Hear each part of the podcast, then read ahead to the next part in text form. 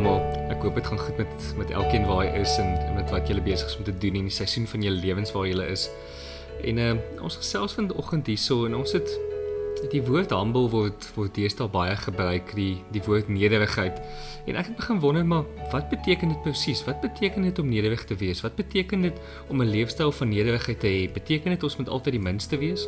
Beteken dit ons moet maar nie toelaat dat dat mense oor ons loop en in in net op ons trap? Ek meen wat beteken dit om nederig te wees? Moet ons altyd hierdie wurm gevoel hê of hoe het mense identiteit van nederigheid Goeiemôre almal. Dis vir ons lekker om te weet dat nie net in Suid-Afrika nie, maar verskillende plekke in die wêreld is daar mense wat luister na die potbeans en uh ek wil weer eens vir julle nooi en vir julle vra kontak ons 'n bietjie of gee vir ons 'n bietjie terugvoer op die plek waar daar 'n uh, plek gemaak word by die potbeans en uh gee ook vir ons 'n bietjie 'n aanduiding van wat julle graag wil hê ons moet oor gesels.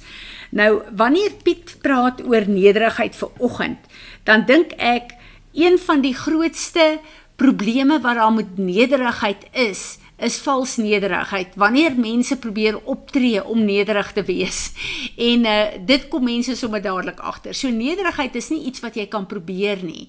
Dit is 'n posisie wat jy inneem. En as jy daai posisie inneem, dan is nederigheid die vrug van jou lewe. Nou as ons kyk na nederigheid, dan kyk ons na Jesus Christus. En ek wil die skrif vir ons lees in Filippense 2 vers 7 en ek lees dit in die amplified want hy is die die uh, vervulling van nederigheid as ons wil weet hoe lyk nederigheid. Daar staan but he emptied himself without renouncing or diminishing his deity, but only temporarily giving up the outward expression of divine quality, uh, equality, equality and his rightful dignity by assuming the form of a bondservant and being made in the likeness of men. He became completely human, but was without sin, being fully God and fully man. Nou as ons kyk na Jesus, Jesus wat God is, wat sy heerlikheid en sy glorie en sy mag verlaat het om homself neer te lê om in 'n stal in 'n krib gebore te word as 'n baba. Nou dink vir jouself Piet, 'n baba is totaal afhanklik van almal. So jy is niks nie, jy kan niks doen nie. Jy moet jou onderwerp aan ander mense om jou kos te gee en jou te versorg en jou groot te maak. Nou dink vir jouself, jy as 'n groot man soos jy nou is, maak 'n keuse om weer in die baarmoeder van 'n vrou te kom, gebore te word op aarde en dan as 'n babietjie weer opgerig te word en grootgemaak te word. Ek dink as ons kyk na hierdie begrip, dan is dit vir ons moeilik om te verstaan met ons verstand. Maar ons weet dat God het ons as mense geskape om in sy beeld en gelykenis te wees. Nou Jesus het aarde toe gekom as 'n mens waar hy sy godheid neergelê het Hy het 'n pad gemaak. Hy het vir my en jou die voorbeeld kom uh, wys hoe ons moet lewe om in sy volheid te lewe. Nou wat was Jesus se voorbeeld? Vo sy voorbeeld was hy het gekom om mense te kom dien. Sy hele lewe was om mense lief te hê, om hulle te bedien, uh om hulle te red en om hulle vry te maak van die bindinge van die vyand.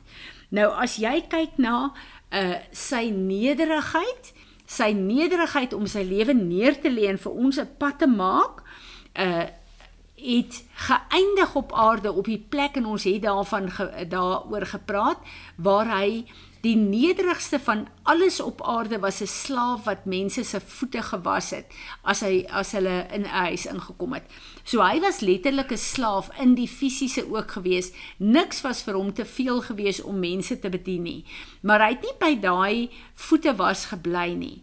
Hy het kruis toe gegaan en hy het alles wie hy is in die vlees, het hy toegelaat om te sterf.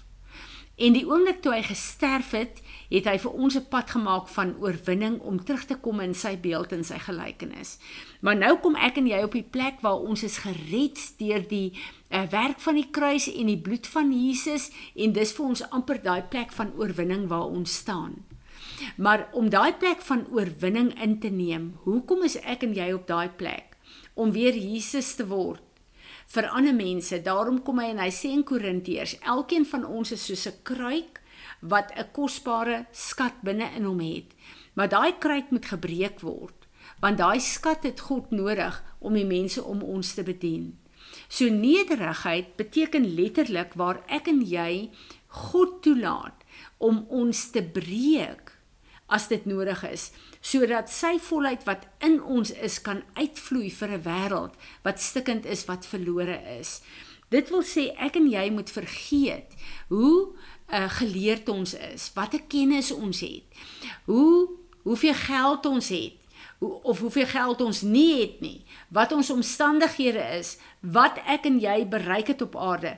Daai goed beteken absoluut niks wanneer God ons wil gebruik in sy koninkryk nie. En as ek en jy nie op daai plek is waar ons onsself kan neerlê dat God ons kan vul in 'n situasie met wat hy nodig het in 'n situasie nie. Dit is die plek van nederigheid om te weet dat ek en jy kan niks doen om lewe te bring nie, maar Jesus kan alles deur ons doen. En om daai onderskeiding te hê om te besluit ek gaan nie vir God werk met my eie vermoëns, my eie uh kwalifikasies, my eie persepsies, my eie uh uh visie en begeertes nie, maar ek gaan hom toelaat om ten volle Jesus te word in 'n situasie waar hy my wil gebruik. So ek lê myself neer en wie ek is en ek laat hom na vore kom en hy is nederigheid. Ek en jy kan dit nie wees nie. Hoe meer ons gevul word met Jesus, sy nederigheid, sy diensbaarheid, sy genesing, sy alles wat nodig is in 'n situasie. Hoe meer ek en jy terugstaan en dat hy ons vul, die vrug daarvan is nederigheid. So jy kan sien, ek en jy kan probeer om nederig te wees. Dis vals nederigheid. Dis net wanneer ons sy volheid wat nederigheid is, diensbaarheid is in ons lewe toelaat, laat hy dan uit ons uit kan doen wat nodig is in 'n situasie. En wat my kwalifikasie van nederigheid is, is dis die plek waar ons moet kom. Nie waar mense ons is niemand se vloerlap nie. Niemand gaan oor ons loop nie. Dis waar mense ons misbruik. En ek bid dat die Here vir ons die onderskeiding sal gee om diensbaar te wees vir mense en om 'n servant te wees in die karakter van Jesus is nie 'n plek waar jy misbruik word nie. 'n Mens kom baie gou agter wanneer jy diensbaar vir die Here is, wanneer jy iemand bedien, wanneer jy iemand help, wanneer jy iemand counsel, jy daai totale 'n uh, gevoel van ehm uh, tevredenheid want jy weet die Here is besig om deur jou te vloei. Wanneer mense jou misbruik, dan kan jy voel jy daai weerstand en dan sit vir jou moeilik om goed vir mense te doen. So uh die oomblik as mense laste op jou plaas en jou misbruik, dan weet jy hierdie is nie die gees van God nie en dan moet jy stop. En ons moet weet en ek gaan op ons volgende potbeen praat oor om 'n vredemaker te wees. Ons moet weet dat ons is nie 'n vloerlap nie. Ek en jy moet in ons diensbaarheid in mense se lewe moet ons nie net die karakter van Jesus uh, manifesteer nie, maar ook sy oorwinning en mense moet daardeur op 'n plek kom waar hulle kan staan en dink, "Wow, ek wil ook hierdie God dien." Nou as jy toelaat dat mense jou misbruik en jy's 'n vloerlap vir iemand, Niemand wil jou daarin volg nie, want niemand wil 'n vloerlap wees nie. Maar as jy in die situasie kan kom en die Here kan uit jou uitlaat kom wat nodig is vir hom om 'n persoon te bedien, dan weet daai persoon, "Wow, ek wil ook op hierdie plek uh, wees waar ek 'n verskil deur die Here kan maak in mense se lewe." Antwoord dit jou vraag 'n bietjie Piet. Ja, verseker. Ek meen dit is altyd 'n ding wat ek meen die wanpersepsie wat daar is in terme van humility, jy weet, ons het altyd hierdie ding van jy weet dit dit klink altyd om 'n vloerlap te wees, maar duidelik is dit glad nie om 'n vloerlap te wees nie. Verseker nie en humility is nie iets wat ek en jy kan kan bewerk nie. Dis nie iets wat ek en jy kan laat groei nie. Ons totale oorgewe na Jesus om ons te gebruik Die vrug daarvan is nederigheid. En wanneer iemand vir jou sê, uh uh Piet, dink jy jy's nederig en jy sê ja, dan moet jy begin repent van hoogmoed. Gewoonlik sal mense sê, "Sjoe, daai persoon kan ek sien is nederig." So mense sal van jou praat as iemand wat nederig is, maar as jy self dink jy's nederig, dan is jy op 'n plek waar jy moet begin repent van die pride wat in jou is. So Piet, ek bid dat ek uh, wil hê jy moet vir ons asseblief bid op hierdie plek en vir die Here vra om hierdie 'n uh, awesome nodige kwaliteit en karakter van Jesus in ons lewens uh, in te bou. Ja, Here, dankie dat met ons werk met hierdie verskillende konsepte en met hierdie verskillende karaktereienskappe wat U het. Here, ek hoef U vir ons te kom vul. Kom vul ons met meer van U. Here Jesus, ek hoef U vra dat elke stuk false humility wat in ons is en daar waar ons dink ons is so oulik want ons het tog hierdie dinge onder die knie, wil ek vir U vra kom vergewe ons en kom breek hierdie goed uit ons lewens uit.